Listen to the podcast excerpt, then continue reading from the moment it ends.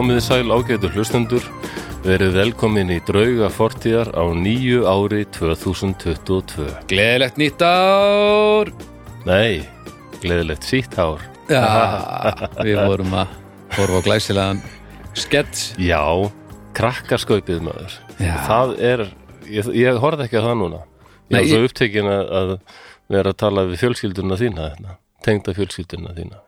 Já, já, já, já Já, við eittum áramótunum Já, Eittum áramótunum saman, það er rétt, já Valdur fattaði að ég væri vinalaus og, og fjölskylda mín talar helst ekki við mig, þannig að Reyndar, hérna, er það ekki alveg rétt Nei. Út fullt af vinnum og, og ég veit ekki betur en fjölskyldan tali bara óttu þig Jú, En þar fyrir er utan bara- allt hár rétt ef þau vantar eitthvað.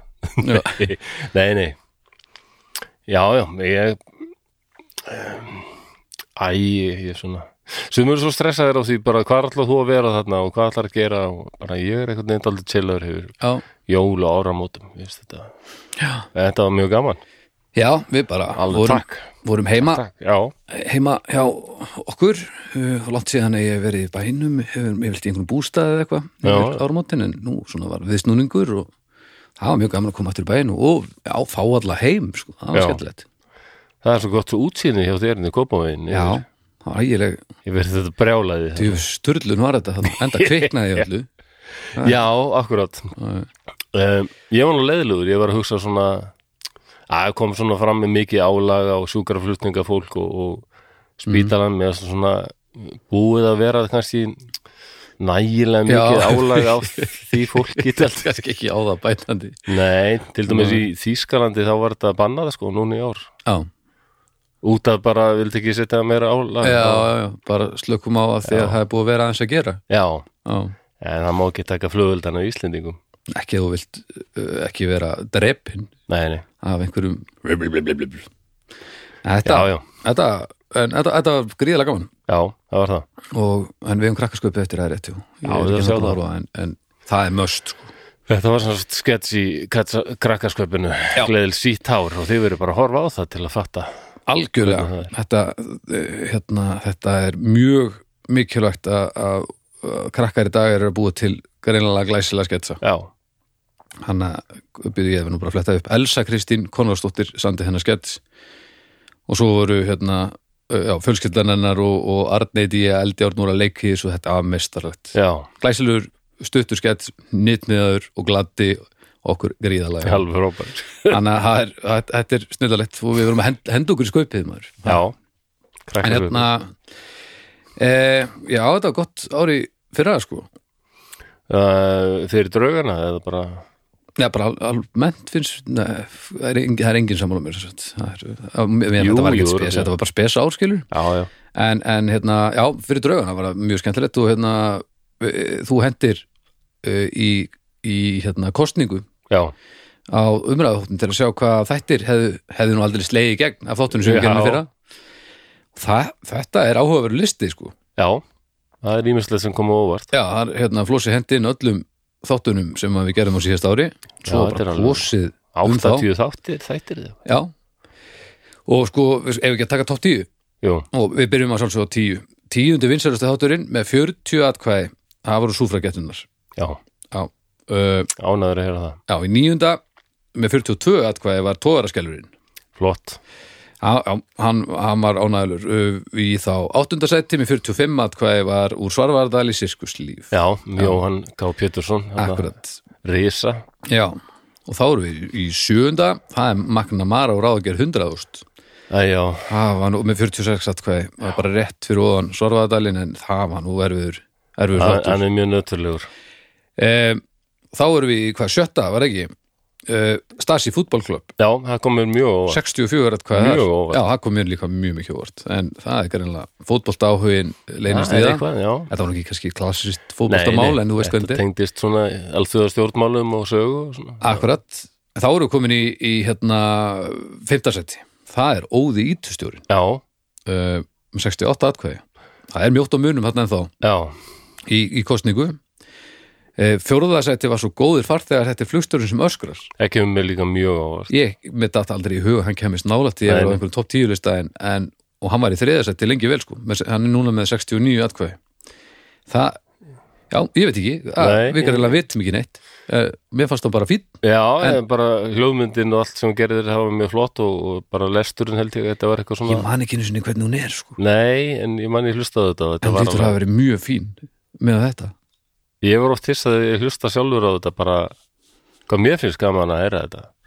Ætla að þú er búin að gæða þetta lífi hérna með Já, göldrunum þínum. Ég þarf að taka svona slurk í að renna yfir það sem ég er búin að Já. gera þegar ég man alveg, ég man oft hvað ég er ánægð með svona að því ég man fílingun þessum þætti var skemmtilega en ég man ekkert, þetta er fljótt að gleymast þegar maður gerir þetta svona örst, þannig að ég, ég tek einhvern tíma slurk, vonandi er þetta Já, síðusti fyrsti þá var þessi þáttur í þriðasæti en, en síðan þann fyrsta þá hefur aðeins Já, núna er með fj- fjórum atkvæðum meira er vilda vestrið, Já, það er gleðilegt. Það er þátturinn sem við það er live þátturinn sem við gerum nýra húrra. Lifandi fólk. Já, það er mjög gaman að því að við vissum ekkert hvort það myndi ganga og Nei. það er ljóst að þetta gekk.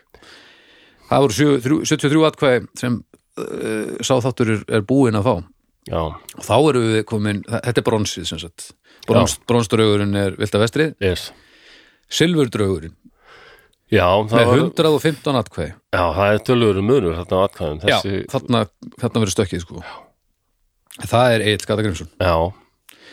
Fossalegri ánæður með það. Já, ég, ég geti vel ímyndað mér það. Ég, ég var daldið svona ég var ekki viss um hvort að ég var að Æ, er svo, mér finnst þetta svo yfirgrifst mikið ég var ekki viss um hvort þetta væri nægilega skipulegt Þetta er einna, er klárlega einna mínum uppáhalds á frábært. Ógeðslega gaman að að fá að vera með fyrir að vita, að vita aðeins og líka geta skoða þetta svona bara í róleitum og, og, það er að gera meira af þessu, sko, íslendingasöður það er greinilega mikil ánægð með það. Svo var það, er það gullraugurinn já, með, bara var aldrei hættu. 271 atkvæði, já, það er fátætt fólk. Já, já, það var þáttur síðasta árs flest, langflestum. Hörmungarnar það er, það er heitlega já, hörmungun, hörmungunna líka í heimasveit Já, hörmungar í það, það heimasveit. er það sem fólki vil já, já, svona, svona ef við ætlum að fara beint í það sem við vorum að, tala um í síðasta þetta að við, að við ætlum sennilega ekki að gera sem er að elda það sem fólk vill en ef við ætlum, ef við kjósum að gera það þá þurfum við bara að kíkja í dalina og finna hörmungarnar og, og, og spjalla þessum það. þessi bók hún alveg hittir íslendinga í hjarta stað eitthvað þessi frásögn Já, þetta er líka já, nálægt manni, þekkir maður þetta ekkert nei, nei, en, uh, á, einn skinni sem sé þannig að þetta er mjög mjög sérstök tilfinning að er lesa hvað hvað er verið í gangi sko. já, stutt síðan hvað erum hvað, já, hvað við erum stutt frá þessum tíma sko. Bara torrbæir og fátækt og, já, Nei. Já, þetta er ég bý ekki í Torfbæ og Nei. ég myndi ekki segja að ég verið fóttakur þannig að þetta maður verður aðeins að muna, þetta er Já. heldur gott allt er saman nákvæmlega. Eh, en eh, já, þetta sem sé fór svona, kostningir fyrir síðast ár hún er undan ennþá í gangi, þannig að ef þið eru brjáluð þá getið þið farið og, og, og hérna brjálast og, og kosið annað og, og eitthvað. Ég kannski pingu þess að þáttunum Axlabjörn fekk ekkert mörg, sérstaklega mörg atkvæði. Nei, um, það er rétt já Já, já, svo, þetta er bara svona, maður, maður sér ekki já, allt fyrir. Já, Svo voru sumir sem voru mjög ánæði með þætti á þar síðast ári og bættu þeim við já, það. kostninguna, af því að þú hafðir þetta opið já, ég, ég rekna með því að það verið óvart þó ég held kannski að þetta hefði verið svona trikkjaður en svo ég segi, nei, þetta er pottet óvart ég held bara engin myndi engin myndi detta í huga bæta við en það Já, er já. allt í lagi. Já, ég, algjörlega, Já, ég er bara alveg. gaman að sjá Larry hérna, Já. alveg brjálaðan alltaf. Já, já, Talandi um Larry ha? já, það er Eh, draugur til þýðinda. Já, við skulum aldrei fara að tala um hérna, styrtar og, og samstafs aðalinn okkar en Já. hann loðastóla Larry hann, hérna, hann fór nú þannig að hann fór ekki á dósir á milli jólun nýja sem við vorum að vona. Nei, sem svo sem skiptir ekki öllu máli því að við erum ekki að missa af neinu. Við erum ekki, við ekki Nei, nei. í jólabaratunni eða, eða við verðum að koma sér hillur fyrir almótin þetta var ekki þannig fílingur.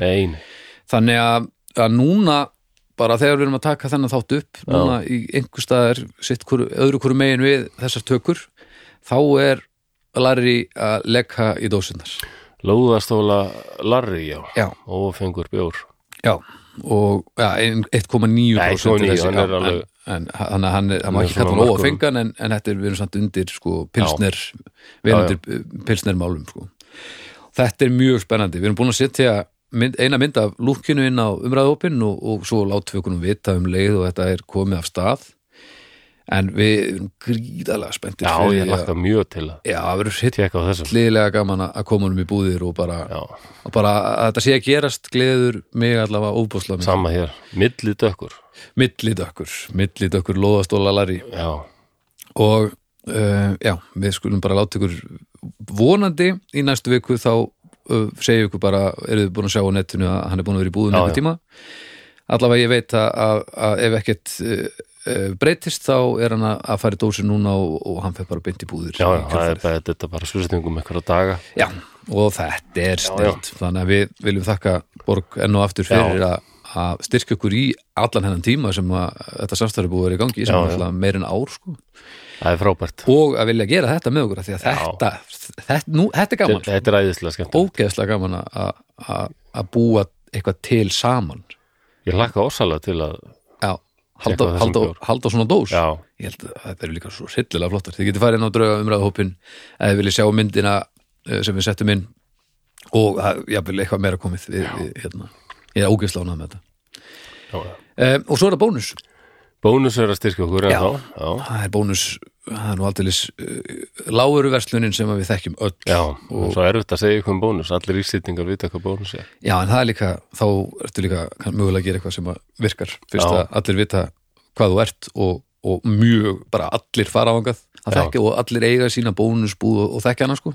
Og uh, mér langar til að, að hérna, benda á það að bónus hefur frá upphafi alltaf selt hérna vörur sem eru útlitskallar eða á síðasta söludegi eða eitthvað. Mm alla tíð hafa verið að vinna gegn matarsóun með því að selja það á góðum afslætti.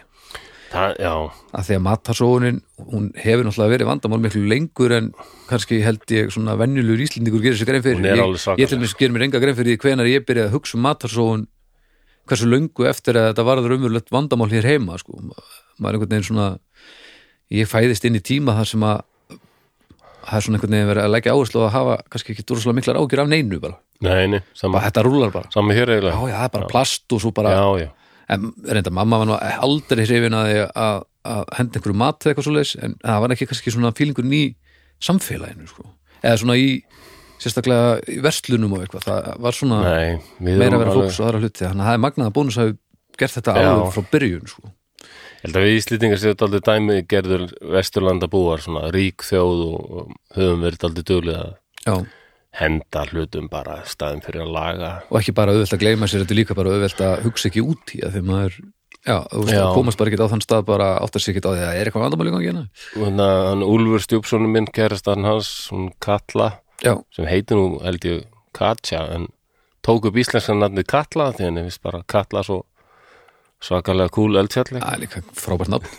Já, já, henni finnst það bara flott nafn. Hún er frá Tjekklandi já, en meina ung kona, hún er bara fætt 88, 87 eitthvað svo leiðis já, en hún er með annað viðþórfeldur en til dæmis Úlfur sko, henni finnst alveg hann alltaf hafa komið hólur í ykkur og sokka hann alltaf bara hendis og hún bara hvað allar hendis já, já, já, já, nei, nei, stoppið þetta. Já.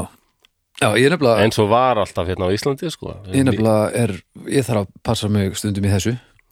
Ég, ég vildi að ég kynna stoppið sokka ég hef reynda en það mistóst herfil eða, Áha, ég kann ekki að sauma sko. brunguður bara eða hvað gerist? Já, ég vildi kynna að sauma þetta aldrei betur. Það er ekki, þú getur nú sett sko. Nei, Líka, þú getur alveg nýtt enn tíma sem þú situr einn í Já. myrkurinu heima er ég segi það. kveikja á einu lampa og læra að Já. prjóna eða eitthvað. Það er um að gera. Jú. já, eða sauma Sauma mér frekar finnst ekki svo pyrrandi þegar vasar á buksum eða koma hólur í þær. Já, ég já, þarf að henda heilum buksum út af þegar komin hólur í vasan ef þú myndir byrja að búa til ef þú myndir búa til fatlinluflósi það er illa það er annarkvort náttúrulega að besta sem við nokkuð tíma gerst. Já, eða eða nei, e- eða ekki neitt, ég held að það er alltaf það besta sem hefur Já, nokkuð tíma gerst. Ég veit bara ekki alveg hvort, og svo bara spurning hvort þú verið miljónumæringur eða ekki sko. já, ég þarf að pæla þessu. Já, skoða þetta, þetta er kannski sóknarfæri. Þetta er sóknarfæri. Ég sá hérna á netinu bara matalastofna saminuðu þannig að telur að einn þriðji af öllum matalum sem eru framleitt bara í heimunum fari í ruslið á hverju ári. Það eru Shit. 1,3 miljón tonn fuck, af mat mikið. sem fólk geti borðað og það er of mikið þegar svona margir eru svangir já, og vissulega er þetta ekki svakalegt. alveg svona einfalt en þetta þarf, getur ekki þetta að vera alveg svona flókið samt. Já, þú ert með fjögurumanna fjölskyldu. Það er talið að fjögurumanna fjölskylda hendi nýtanlegu mat fyrir cirka 240.000 krónur íslenskar á hverju ári. Já, það er aldrei mikið sko. Það er svolítið mikið. Ég er alveg miklu meðvitaður um eftir til dæmis plastáttir inn um daginn. Já, já, Núna, veist, ég, núna þú veist, í Kópó ég eru bláu tunnurnar sem taka já, uh, ákveðnum hlutum og ég flokkum þetta alltaf. En ég er, hvert eina skipti sem ég tek eitthvað plast núna og sett í plasthaugin þá fattar maður bara fucking helviti þetta verður notað einu sinni. Gerði ekki neitt, Ég þannig. Og nú er þetta farið þarna og nú er þetta farið eitthvað annað að verða kannski ekki neitt. Já, verða þetta bara áfram. Það er um að gera að vera aldrei um þetta. og með matinn líka. Núna, að, að því að það var einhvern veginn eitthvað svona stöðutókna þurfi, ég nú ekki að pæli að, bo- að hérna, borða allur í skapnum ég kaupi bara hérna já, já, eitthvað, ég kaupi bara gullfröðið frá bara friðríki eða eitthvað. Og það er bara hverjum degi, bara gull í öll mál já, já, gullfröð og hérna, gullfröð en núna er þetta bara það er líka bara gaman að að- að ekki partur einhver svona astnalegu vandamáli. Nei, og bónus er snild, sko, ég sé bara þegar ég fyrir ykkur aðra verslun, sko, og bara hvað talan er miklu hærri sem Já, er já. tekin út af kortinu, það er, já, já, það er náttúrulega það sem ég gerði líka svo vel. Það var að, að, að ákveða að hafa innbúið svona, svona, svona. Já, bara, við bara höfum þetta þannig að þetta fungerar þetta er gott aðgengi, þú veist hvað þú finnur hlutina en ekkert vera að bröðla í einhverjum hillum á einhverju og þá er þetta alltaf verðin nýri já, þetta er, já, þetta er algjör snilt og takk bónus fyrir að vera enn og aftur með okkur í, í, í drauga liðinu, það kærlega fyrir það. en heyrðu, hvað hva Já. segir við að fara hérna hérna okkur í, í, í, í mál Já, ég var svo í kosti þetta væli eitthvað undan og segja að sé búið að vera svo mikil myrkur og Er það ég ger ekki eða? en að sofa og þetta Já. sé halv vonlust allt saman. en þú ert náttúrulega löngu búin að- að að skrifa inganginn og Já, er það ekki? Nei. nei, nei, býtu, nei, nei, ég var að gera það núna bara á það. Já, já, þú varst bara að gera hérna, já, núna bara. ég var kom hérna mér svo bara upp í stúdíu og vissi ekkit hvað ég ætlaði að tala um. Nú, Þannig að ég skrifaði bara einhvern ingang sem er svona eins og ég ímynda mér að umfjölluna efnið hafi hugsað. er þetta sarpurinn eða er þetta... Nei, Nei, ok. endar eiginlega ekki. ok. En það hefur nú eitthvað held ég verið bent á þetta umfjölluna efni í umræðu hópnum. Sérst, þú viss, varstu með málið ákveðið áður þú komst inn en þú varst bara ekki byrjaður á enganginum. Já, Ok, þá mér skildi. nei, já. ég bara settist hérna og þá ákvæði já, við tökum þetta fyrir bara. Já, ok. Þetta geta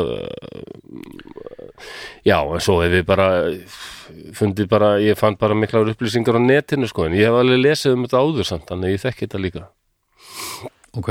og þetta ætti ekki að vera er langur þáttur, Er þetta næstu í sarpurinn eða? það líkur við sko Þú voru að segja, að, að, þú veist, ég er ekki að fara að spila hálft stefið, skilur, þú voru að þetta Já, þetta þú vilt að þetta sé sarpur Nei, ekki ef þetta er ekki sarpurinn, ég vil ekki lega sarp. en ég vil, ef þetta er sarpur, þá vil ég fá það bara reynd, sko. að þýr ekki að karpa um sarpin Nei, nei. sarpa um karpin Já, Þú, þú bara, við skulum bara byrja Nei, þáttinn og ef þú kemst að því einhvers Já. staðar áttar því á því að þetta er sarpurinn þá bara lætur við vita mjög skýrt, ekkert svona eitthvað hálfkák.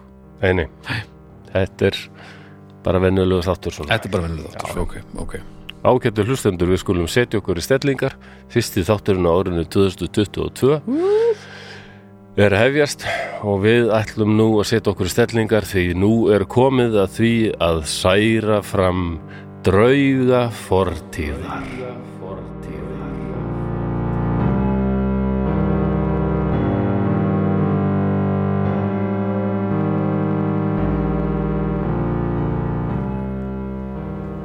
Myndir þú hafa gert það sama í mínum sporum? Eða hefður þú bara sætt þig við hlutverk þitt? Já, þetta vekur nefnilega upp aðra spurningu. Hvert er hlutverk okkar? Ég lít svo á að það breytist ekkert, þó þú sér tekin til fanga. Ég er áfram hermaður og það er skilda mín að reyna að sleppa úr prísundinni og halda áfram baráttunni. Ég kom ekki alla leið frá bandaríkjunum til að vera fangi þjóðverja. Ég kom hinga til þess að berjast gegn þeim og ég mun gera það, hvað sem það kostar. Þó lítið sé um mat, þá er samt lífið í fangabúðunum ekkert hræðilegt. Þjóðverjarnir eru hrissinslegir en koma yfirleitt ágætlega fram við okkur. Sumir okkar sættur sig strax við að þurfa að vera í haldi þjóðurja og býða eftir því að stríðinu ljúki. Þeir segja að Þískaland sé augljóslega að tapa þessu svo að það skipti engu máli. Hvílík þvæla. Einmitt þess vegna skiptir málið að gefast ekki upp. Halda baróttunni áfram. Hamra járnið meðan það er heitt. Það er nokkuð kaltæðnislegt að í raun bjargaði þýski herin lífi mínu.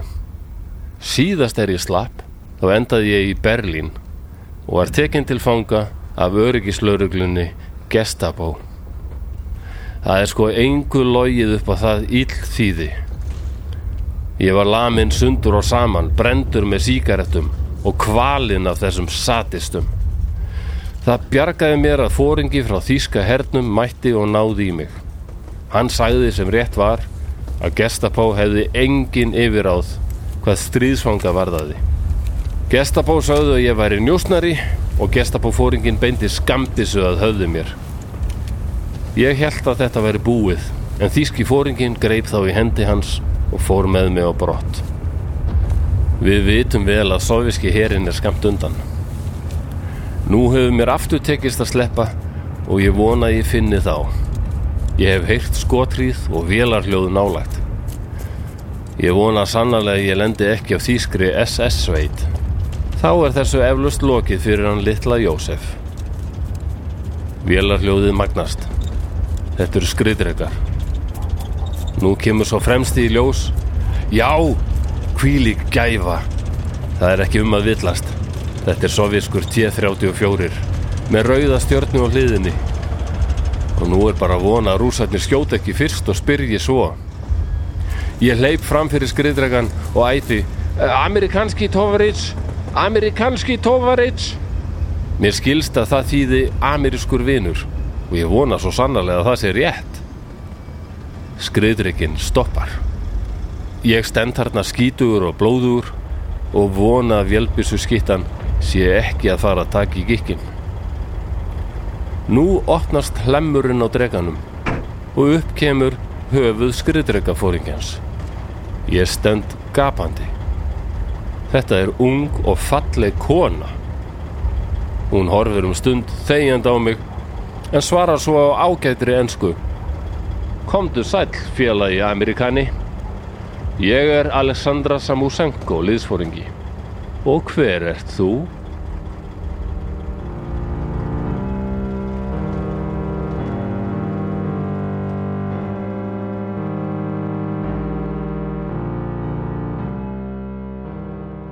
Þá er lestrinum lokið. Ágæta fólk. Við erum búin að særa upp draugafáltíðar Já. og komið að því. E, hefur ykkur humdum hvað, hvað gæti verið í gangi? Uh, ég, ég held ég bara þetta ekki. Mér finnst svona næstu því þetta sé sarpur af því að er þetta, e, sko, við, Þetta er sarpurinn! Já, já, ok, já, já. Þetta er sarpurinn. Þetta er sarpurinn! Já, já, það er ekki merkilegt Þetta er sarpurinn. Vonandi að fólk hafi eitthvað gaman að Þetta er sarpurinn. Já, ég vonandi þetta er nú eitthvað samtíningur. Sarpurinn, sarpurinn. Sarpurinn. Þetta er sarpurinn. Ó já, þarna kom það. Já, mér líður aldrei þannig þegar ég bara, æ, hvað við taka fyrir? Og þá leita ég alltaf í gamla Akkurat, það vinnum var minn. þessi hjæltin ég vildi fá bara setni heimstyrjöldin Já, já, en ég meina, þín uppáhalds Já, þetta er bara, gerðist margt merkilegt á þessum tíma og mér finnst þetta merkilegt aðdeg og ég held líka að þetta sé eitthvað sem þeir sem bara, ó, nenni ekki stríði Mm. hafi samt aldrei gaman að svona þáttum að þetta er aldrei svona persónulega Persónuleg saga, Já, ok uh, Sem ég held, já, ég held ég bara þekkja þetta ekki sko. nei maðurinn sem umræður hérna, hann hét Joseph uh, Byerly Byerly, ég veit ekki alveg hvernig að byrja þetta fram Joseph Barely Beirle, B-E-Y-R-L-E Barely, Þessi Barely svona tæplega. Ba Já, Barely, Næ- næstum Jósef Barely Næstum Jósef Þetta er því stórað okay. Afans og amma voru þjóðverjar. Hann var, hann var þriðji af sjö fjölskyldum sem hérna William og Elizabeth Byerly mm. um, eignuðust. En foreldrar, bæði foreldrar William og Elisabetar, þau hefðu komið til bandaríkjana á 19. öld frá Þýskalandi, hann var að þýskum ættum mm, ok, um, Joseph Barley, hann var fættur 25. ágúst 1923 einu ári yngri en mamma mín wow og hérna einu 23 og hann var bara mættur það já, þetta er 45, þetta gerist í janúar 45 já, hann er verið meðan 22 Já. alveg bísbelta já, mér er þess að 21 bara sko, því að hann var fættur í ágúst. Ó, ég er svo fegin að það hafi ekki verið ég var 21 já, pældi því, hvernig, hvernig já, hvernig hefði maður verið? Ekki 21, hugmynd, ég hef ekki hugmynd um maður er svo mikil krakki ég er í góðu formi sko en það skiptir einhver máli ef að, að kemur skriðdrykki.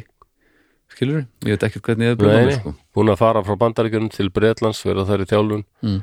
og svo á D-degi, 7. júni þá Mhm. flýgur hann af já, um, uh, hann var frá Michigan Ok. um, hann bara nær lítið sem ekkert að berjast því að þau eru fljúaðni við Normandi Mhm. uh, 7. júni 44 þegar bandamenn eða breytar bandarkimann og kanadamenn Mhm. reyðust þarna inn í Normandi inn í Mhm. Frakland Já. en það er skotið á vilina sem hann var í ok, sem var C47 sem Íslendingar þekkja betur sem þristin, það var nú skórektar vélin DC3 skóraktarvélin já, að- þristurinn? Já, hún var ég þekki hann allavega þannig, það var skórekt Íslands var með þessa vél, gamla bandarska stríðsvél. Já, og líka sama típa og er þarna að reyðga í hel þarna á sandinum já, Suðurlandi, eða líka DC3, Ok. Boeing DC3 en þarna voru hún kallu C47 þegar hún var sko stríðsvél, þá var Já. flög hún oft með liðsflutningavél bara notuð í allan fjandan Já. og ma margir eða allir fallífaliðar sem hendur sér niður hérna yfir Fraklandi Já. og innars á daginn voru í svona vél. En það var skotið á vélinn hans. Ok, kviknar í hreyflinum og hún er að missa fjórir fl- reyflar eða tveir? Tveir. Já. hún byrjar að missa flug og hann þurfti að henda sér út í bara 120 metra hæð. Já, en nær samt að lenda óskataður en lendir bara því miður beint í einhverju frönsku þorpi. Ah, og aðleitt en hann var sérfræðingur í sprengingum, þetta sprengju upp einna brýr og allskins stótt sko. ok. Og hann var með sprengjarni og hann bara 21 og skamall, mér finnst þetta eitthvað svo magna og hann bara finnur hérna einhverja rafstöð og bara nei, sprengir hana upp sko og bara byrjar að sprengja hvað sem hann finnur og hann er í nokkra daga bara og bara aðleitt bara og gera það sem hann átt að gera. Ha, já, þetta er magnaði kall, býtum við. Hann lendir aðleitt í einhverju frönsku þorpi. Já, einn, allt í vofa. Já, já. Og hann, og hann Hann er alveg bara búin að mi- missa sko tengslum við félaga sína. Og hann fyrir bara beint í að sprengja upp já, já, bara gera það sem hann átt að gera. Sem er ekki alveg, ekki það sama og að fela sig myndi ég segja, alls ekki það sama. Ef við setjum okkur í þessi spór sko 21 árs komum þessu bandaríkjunum já, úr þannig Fraklandi, óvinn er allt í kring og bara, já, já því mér að þetta er annarkvort er hann gjörsamlega heila þau einn af, af, já, af því að vera búin að vera í æfingabúðum og eða bara brjálaðslega vel þjálfaður eða bara já, var mjö, á mjög rosalega miklu missjóni þeir voru svona alveg nánast svona sérsveit fallífulegðar, það voru ekki Ok. hver sem er sem gæti orðið það sko. Nei, ok, Það var þetta er magnaðu kall og þessi kynnslóð einhvern veginn og bara já, það er erfitt að setja sér spór hann bara, já, ég byrja bara að gera það sem ég á að gera. Þetta er eitthvað sem á, ég, á líklega Já. en hann næður að gera þetta í einhverja daga en svo lendir hann í á þýskri hersveit sem tekur, til,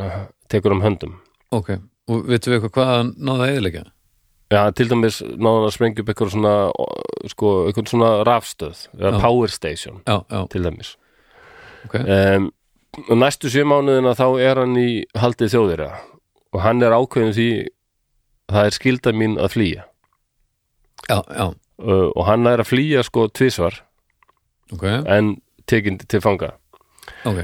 Uh, hann veit líka eins og aðrir að sko hann er í Þýskalandi og hann, þeir vita það að sovjíski herin er komin inn í Þýskaland austan megin sko, já, er hann nálgast. Mhm þessir skrýtnuð vinnir bandarækjumanna sem voru kommunistar og algjör hugmyndafræðilega og allt annar í en þarna voru allt innu bara komandir og allir bestu vinnur okkar. Akkurat. Og Animal Farm hérna, eftir George Orwell var sko ég man ekki hvort hún var hreint bönnuð en það var mörgum illa við að, að hann væri að gefa út þessa bók hérna, stutt eftir setni hinstöldina því að þá var ennþá litið svo á sko, auðvitað mér, við vinnur okkar, hvað það, að gefa þetta út. Já, já, já, já. Ekki vera en svo kom kalda stríðið og þá, já, já, já, breyttist stemmarinn. Já, já, þá breytist það marinn já, um, en, Eh, sagt, þeir- svo vitneskja að þeir eru á leiðinni gaf hann kannski smá búst í að reyna að fría sig að því að þá geta hann leita til þeirra. Já, hann var hérna með til dæmis hérna í félagur sínum þeir hérna náða að fela sig í einhverjum tunnum. Í búðunum sko, það voru þeir að vinna eitthvað og einhver tunnur og þeir komu sér fyrir einhverjum tunnum sem voru síðan settar á vörubíl. Mm. og þeir hengu í þessum tunnum í marga klukkustundir og voru svo vonuðum að þeir var að fara til Póllands, þeir heldu það. Ok, en höfðu ekki hugmyndum það að þeir tunnurna voru settar á lest sem fór beintir berlínar. Ah, þannig að og, og hérna, þegar verið er að ferma þá hérna, velta tunnurnar um koll og þeir hendast út og þá er bara allt fullt af þýskum lauruglumönnum, þeir eru bara í miðri Berlín. ah, tjúldur þetta eitthvað mikið hann er að smikla sér í tunnu er eins mikið teiknumyndasögu er. þetta er, er allt svona. Og hann er með að flýja samt, sko. Þaðan? Já, já, og leitaði hann út um allt og hann felur sig ekstra og finn og er einhver þýskur einhver þjóðuri sem finnur hann og þykist alltaf hjálpa honum. En ringi svo bara myndi gestapó Ó. og gestapó koma og það, þar fekk hann daldið öðruvísi meðferð heldur en hérna, yfirleitt komu þjóðverjar ákærlega fram við breska og, og franska og bandaríska stríðsvanga ok, uh, reyndur voru margir franskir stríðsvangar sem því miður voru sko notaðir í allskins svona nöðungarvinnu og áttu frekar oft erfiða tíma sko. En, en svona breskir og bandarískir þau komu mjög illa fram við rústnarska stríðsvanga því að já, já, já, það var lítið svo á að slafar væru óeðri já, þessi fjandasa rasismi í svona nasistum.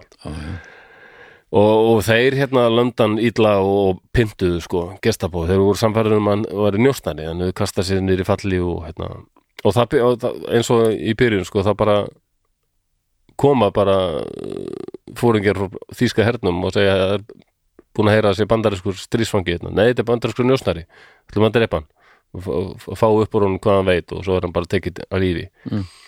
og, og þeir bara segja nei, þetta er breskur strísvangi og, nei, bandariskur strísvangi og, og þið hafið ekkert að segja það er herinn sem sér um það.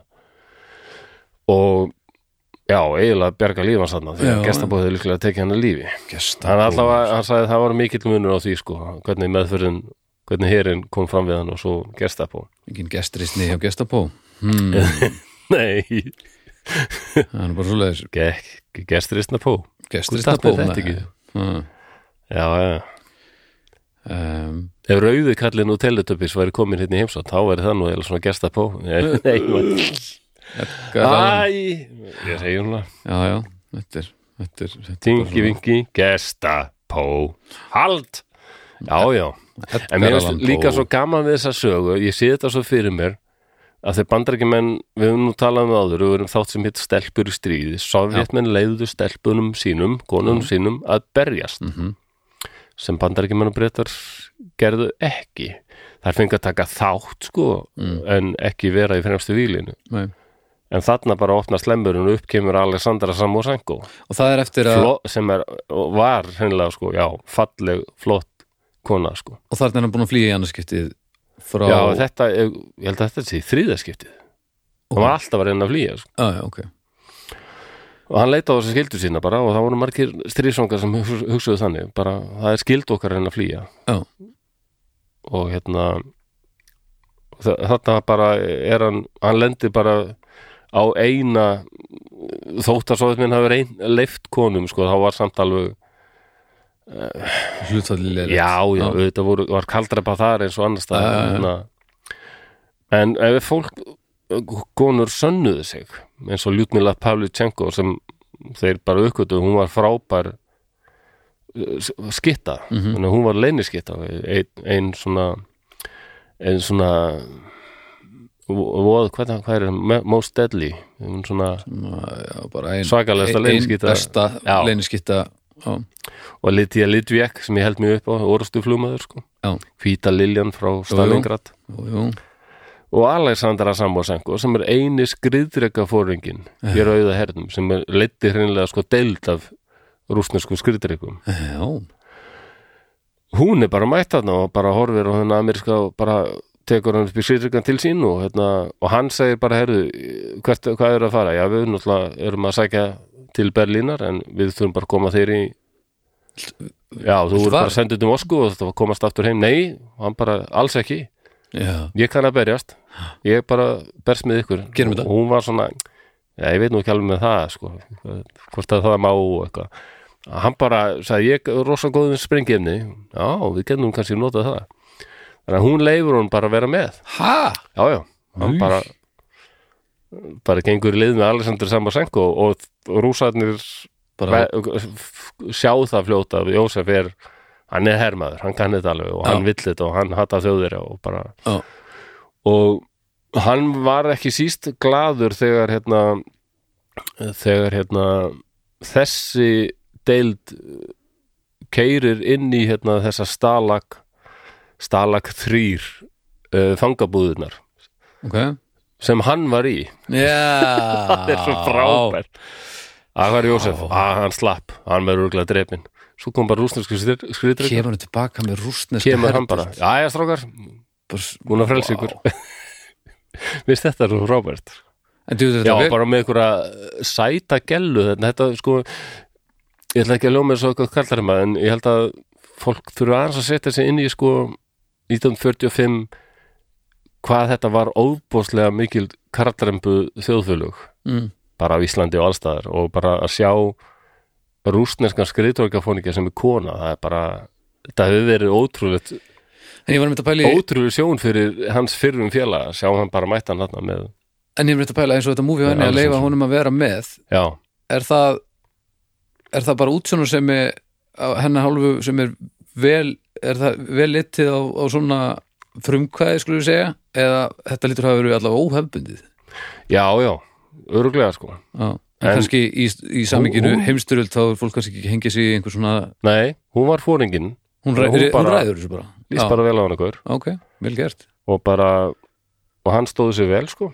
Já, um, hann, en Samosenko hún hérna, tölum aðeins um hana Alessandra Samosenko, hún var bara unglingur þegar hún gekk til liðs við rauða herin ok, og byrjaði í fólkjönguliðinu og sækir svo um í skriðdrega skóla mm fær inn og verður skriðdrega fóringi hvernig er þú ekki búin að sækja Ég veit það ekki. Flósi? það var alltaf draumurinn sko Já.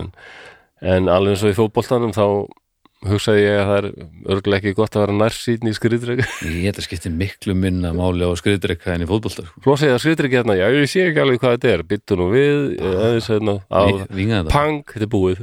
Já, já, bara ég, Þetta verið góður í skriðdrekkaskóla það minnir mig á mynd sem hérna heitir, ó, hvað heitir hún? Ég verði eiginlega að fletta þið upp. Já, hún gerist í fyrri heimstyröldinni ok, og er um svon uh, breska reytöfundarinn sem skrifaði til dæmis hérna, Jungle Book um hann Mowgli og félaga Rudyard Kipling. Já, um, um svon hans og það er Daniel Radcliffe sem leikur hann og leikur hann óbúslega vel. Mér finnst Daniel Radcliffe já, Harry Potter, finnst hann góðu leikari. Já, hann hann vitt hann vitt, My Boy Jack heitir hún. My Boy Jack. Já, ok, hún er sjónvarsmynd frá 2007 7,1 á IMDb ok, og hann vill svo rosalega komast til að vera flottur hermaður í seinni heimstöldinni en hann er rosalega nærsýn mm, og þeir segja að þú getur ekki verið með gleru í skoðgróðum en hann bara n- nær eitthvað neginn að, að þjálfa sig þannig að hann hittir nógu oft á markið að einhverju rifli mm, og, og, og Kipling pappans, já, ok, og pappans bara hérna berst rosalega fyrir því líka menn að pappans þekkti konungin sko. Já, en, þannig að hann tógar í allskins strengi já, en ekki gera það til þess að senda einhvern sem sér ekki veist, Jú, það verður hann þessi, að mynd fjallar einmitt aldrei um það hvað allir voru rosa uppteknir af þessu, þetta er svo frábært. Já, og senda strákin í herin og, hérna, og mamman ekki trefin af þessu. Kallin alveg, já, Jack vill komast í hann er flottur strákur og vill komast í þetta. Allir þurfa að komast í herin, allir góðir strákar fara í herin, það er svo mikil karlmeska og ei, mm. og hann verður fóringi og deyr í fyrir herstöldin, bara kornungur sko, 18 ára, 19 ára eitthvað. uh, og myndi fjalladaldum það að Kipling átta sig á því ég sendi son minn hérna í út í rauðandöðan Já. hún er rosaleg mynd My Boy Jack? Hún My Boy Jack 2007 Já, ég, já, ég hugsaði ég, og ég setti ég ímyndaði mér alveg þegar hann var hérna sá allt í móðu sko, þetta er alltaf eins og ég í fótboltanum sko. Ok, ég gef bara þennan, þessi lítur við með mér í liði. Nei, því miður að villast farðu bara í háskólan já, ekki bara. setja upp glerun og bara, já, Settu glerugum, farðu í háskóla. Þú átt bara Já, já. skólan inni setna Tekur kannski bóklega leggin Já, já. Já, ímynd já, já, en það var náttúrulega í stríðinu voru ímsir hæfileikar uh, nýttir sko. Já, já, já, já, algjörlega. þú hefur verið sendur bara beint í ykkur hljómsveit sko.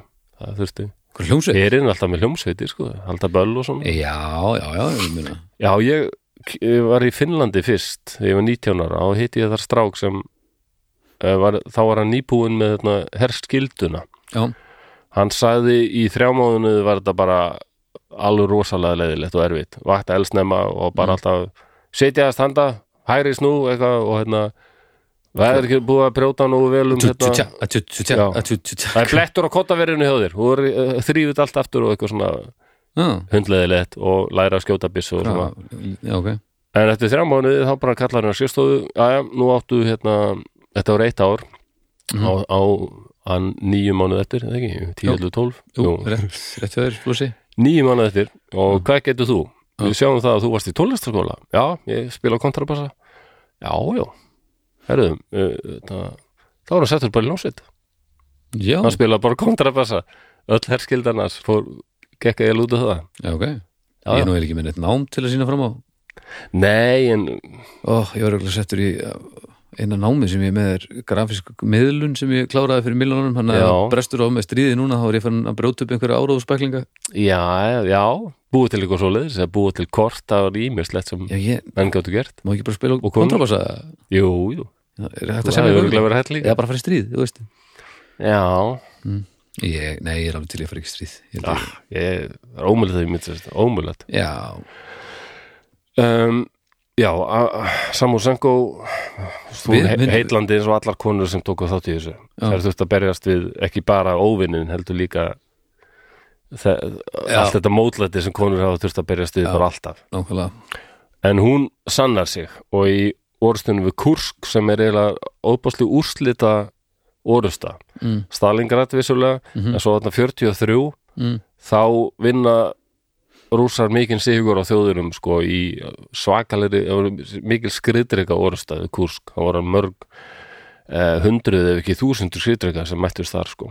Ok, og hún eigðilegur þar þrjá þýska svona tækar já, skriðdreika sko Ok. og fær þá hérna uh, rauðu stjörnuna já. medalíu. Sem var næst eitthvað. ég held það já, Order of the Red Star. Já. þetta, Hero of the Soviet Union. Það var toppurinn já, Já. Nei, ó, nei, nei, ok, ég skrifa þetta hérna nei, nei, þetta voru hvað milli 15 til 16 þúsund skriðdreika sem voru þessar orðstu 15-16 já, þetta er bara þetta er ótrúlegt, maður getur ekki ímyndað veit ekki langan tíma kóletni sefna það. En áður þá hafði hún til dæmis barist í vetrastriðinu gegn Finnum sko, sem Ok. bara fótgönguliði. Já, og komist í gegnum það sant já, þetta var hörku manneski og Be Beirli sko talaði alltaf rosalega vel um Alessandur bara þetta var einn flottasti fóringi sem ég mætti í öllu stríðum hann, sko. og rosalega mikill Já, og hún var hermaður, algjör hermaður. Hún hafði mist bæði eiginmann sinn og alla fjölskyldu sín í stríðinu. Mm, við og hann sagði sko þetta er eitthvað sem við bandarækjum með áttum okkur kannski ekki alveg á hvaða fórutnir sovjetmenn Nei.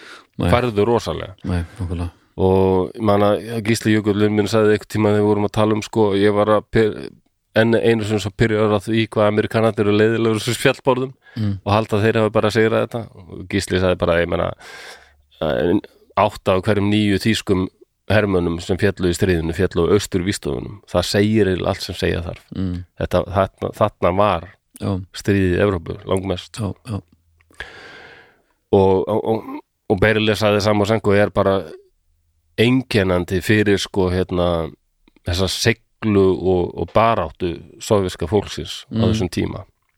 Og hún liði stríði ekki af. Hún, hún dó bara nokkrum mánuðum eftir þetta eftir hún hitti hann sko. já, ok. Bara rétt áður en stríðinu lauk. Hvers, hvenar, hversu gömur var hún? herðu, hún var bara kornung. Hún var fætt 22 22 já, Já, hún deyr í mars 45 ný, 3. mars hann er, hún er 23 eða eitthvað hún deyr degi áður en pappi minn verður 21 árs Já. Pældi því maður ef ég, ef fóldar mín hefur þjóðurar Mhm.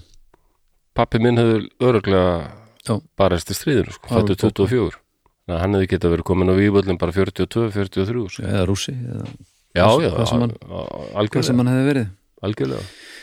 Já, það, byrju, og, hann var, og hann var fættur 20, Hann var 23. einu ári yngri hún, já, fættu 23 já. Svipuðum aldrei. Shit, hvað þið eru fucking ung Ég veit það.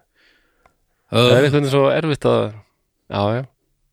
Bara í flugvillinu, ég var í Berlín núna í jólin og var að leiðinni heim og ég hef búin að vera já, í Berlín og um, bæði lesa mikið um setni heimstyrldina sem, já, eh, Berlín kom eitthvað við sögu þar. Mm og í kaldastriðinu, Berlín Já, já. kom eitthvað við sögu þar líka.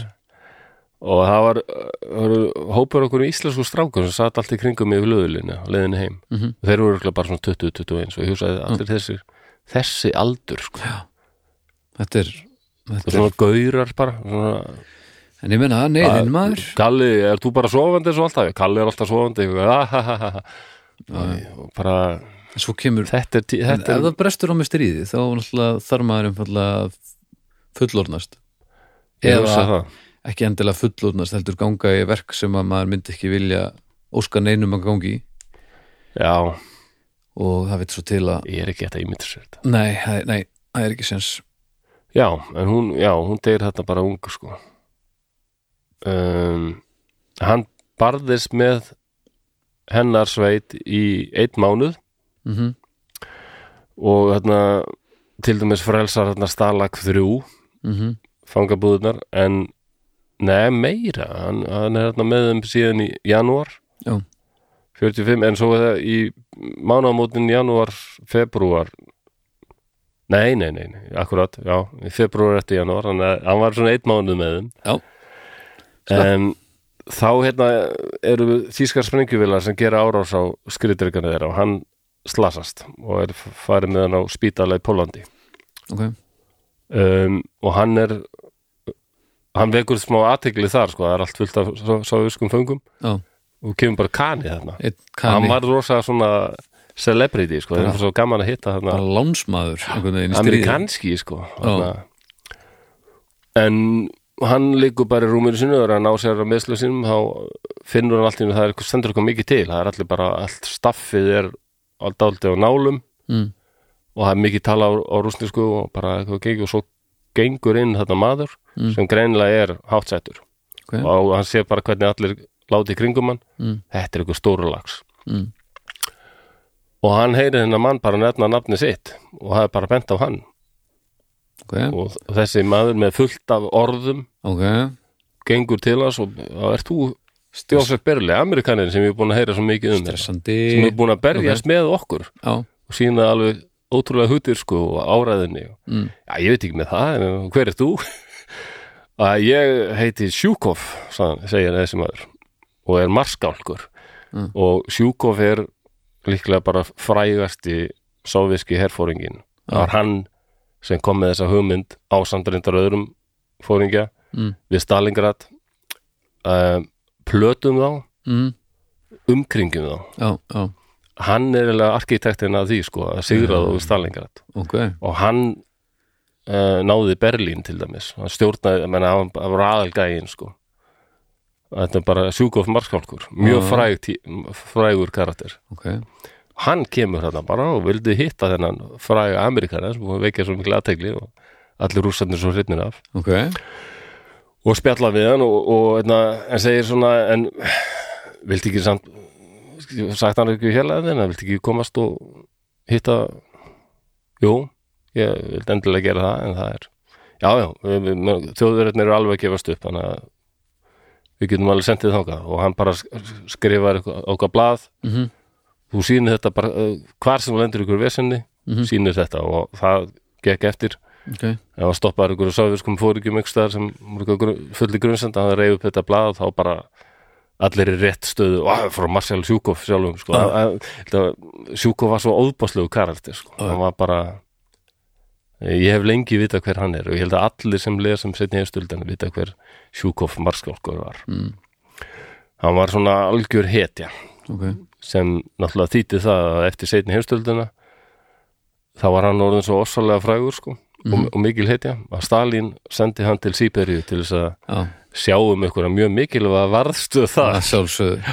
Mikil heiður staða sem ég ætla að setja því og það ótrúlega eins að það verður ekki nálægt mér og, Nei. veist, það verður engin ógn af neinu. Nei, nei, fyrir ekkert á því hann náttúrulega Þannig, já. daldi væni sjúkunan Stalin sko. Fann, já, það það er til að þannig talað um það, paranoid. Ef þú varst að vera daldi svona frægur og vinsæll. Já. Það var ekkert endilega jákvætt, jákvætt Nei, nákvæmlega. í þrýkjörnum Herru, það er hérna, það er gerðing sem það er að gera við hérna Antartíku, ég ætla að senda því það, ert svo magnaður.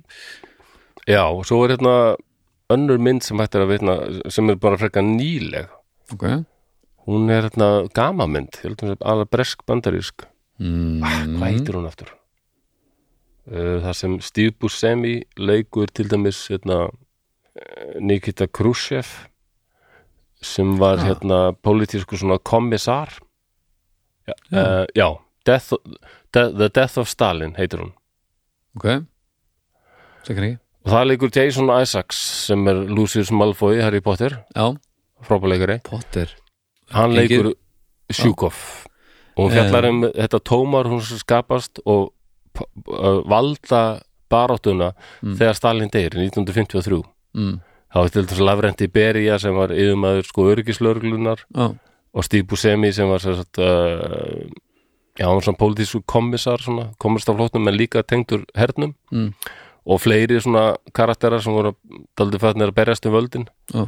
og það er eiginlega Khrushchev sem reddar með, þessu með því að ná í Sjúkov. Ok. Þannig að Sjúkov er Já, mættu til já. Moskvu og allur herin, rauði herin náttúrulega bara fylgir honum sko. Já, já, og, og öryggislörglan náttúrulega engan sens í herin þegar þeir voru mættir og nei, við stiðum Khrushchev. Og Berija var tekin höndum og bara skotin hann var mjög illræmdur maður. Mm. já, já.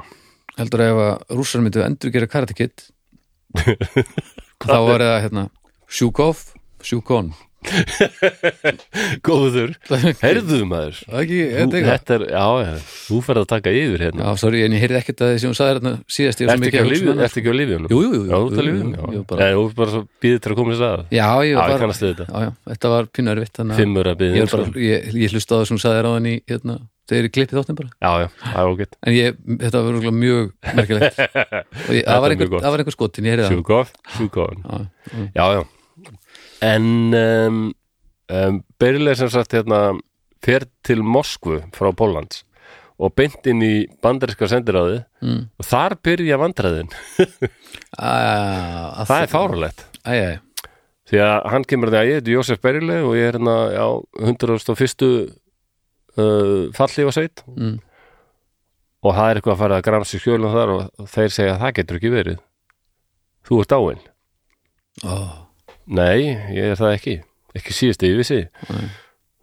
og hérna, já, það fundust hérna hundálinn þín eða hvað, því hvað það heitir á íslensku svona dog já, tags. dog tag sem allir, bandar, allir hermennir með þetta tveir svona skildir, svona stálskildir um hálsin með númerinu Númerinu, og, já. nafn, og nafni og eitthvað. Þú, ef þú ert skotin þá er alltaf að finna þetta ég vil að vita hver þú ert. Höfuðið er skotið að þér og ekkert er þekkjanlegt á það var hægt að sjá þetta, Skoða þessi merk- dog tags. Og þeir fundu þess að hans skoða merki með hann. Og miðin hans, já, merkimiðin hans hafði fundist. Já.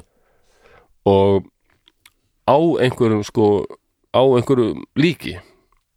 Nú, já, það var líklega bara tískur hermaður sem hafði fundið þetta, bara stungið sér í vasan svo var hann skotin Já. Og fundust þessi dog tags og einhver, einhver hluta veitna að heldur þetta hefði líklega verið hann. Eða Hann hefur einhver sem líklega hefur verið dreipið hann eða eitthvað. illa útlítandi eða eitthvað. Hann er afskrifaði bara. Já, ah, og mér að fjölskyldan það hefði bara fengið bref því miður þá sonur ykkar fallið í ah, og þetta verið september 44 sem en náttúrulega er marga marga mánuð eða ekkert heyrst frá hann sko. þess vegna er þetta aldrei, gaman sko. og hann þurfti að rífast rosalega fyrir því að, að komast aftur til lífs.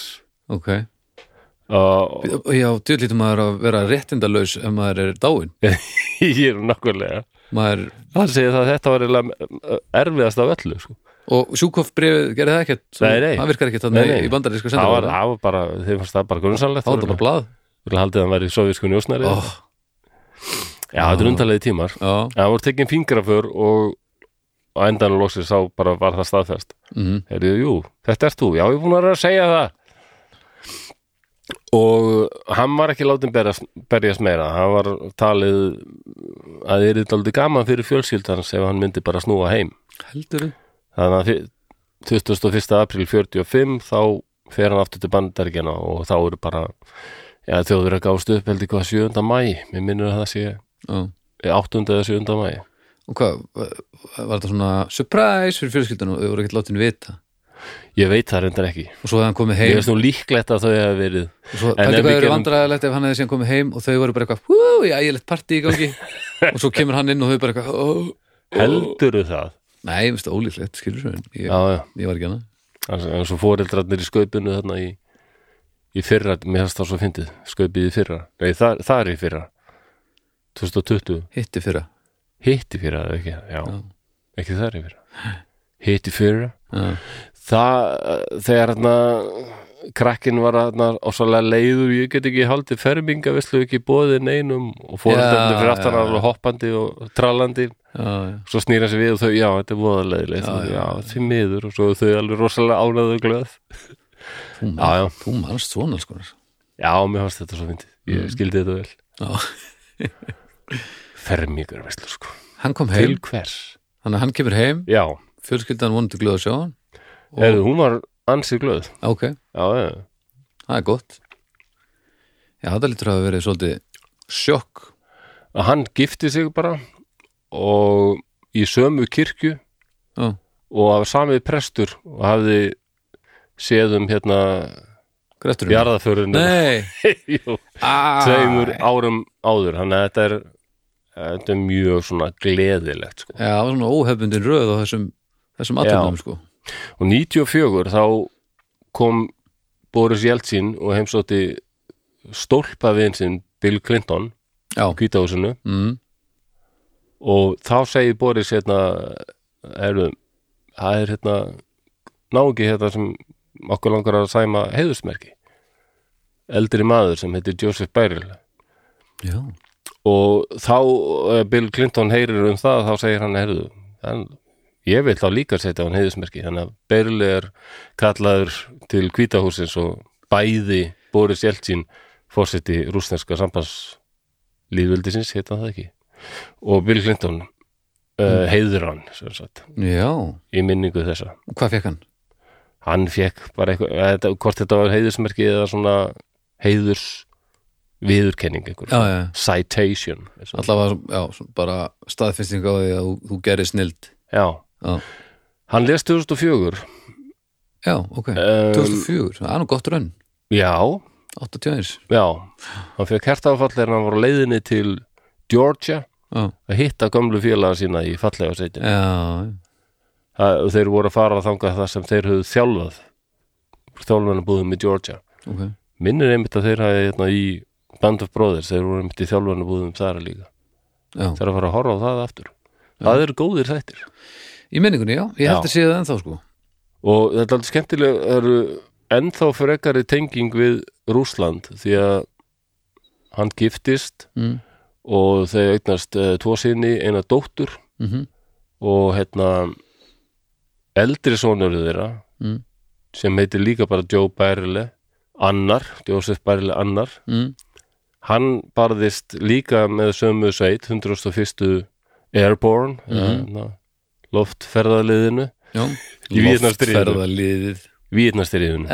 já, já, já, já, það er rosalega munur þessum tveimur stríðum. Já. það er ekki verið cool og töff að koma heim úr Víetnastriðinu það var, bara öðruvísi flækjustig. Bæði flókið en, en öðruvísi. Og yngri sonurinn var sendiherra bandaríkjana í Rúslandi 2008 til 2012 já, já, já, það er alltaf einhver rús, rús, rúsa tenging þarna.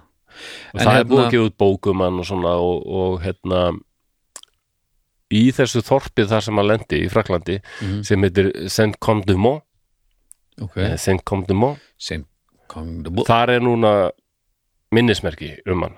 Nú, nákvæmlega þar sem að lendi bara hér lendi Joseph Barilla. Já, og Eh, sjáu þið hérna, hér er engin rafstuð. Já, ætlu það ekki. Já.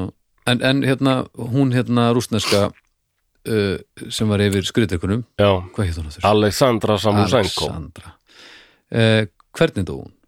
Herðu, það var eitthvað voðalegt Já. slís Slis já, það, uh, það er alveg daldið það var ekki það er talið sko, það var bara myrkur og vesen og hún verður undir sovjaskum skriðdrega Æ, anskot það var að henda sér úr sínu skriðdrega og bara já, það var eitthvað slís helvíti. Já, það var daldið voðalegt.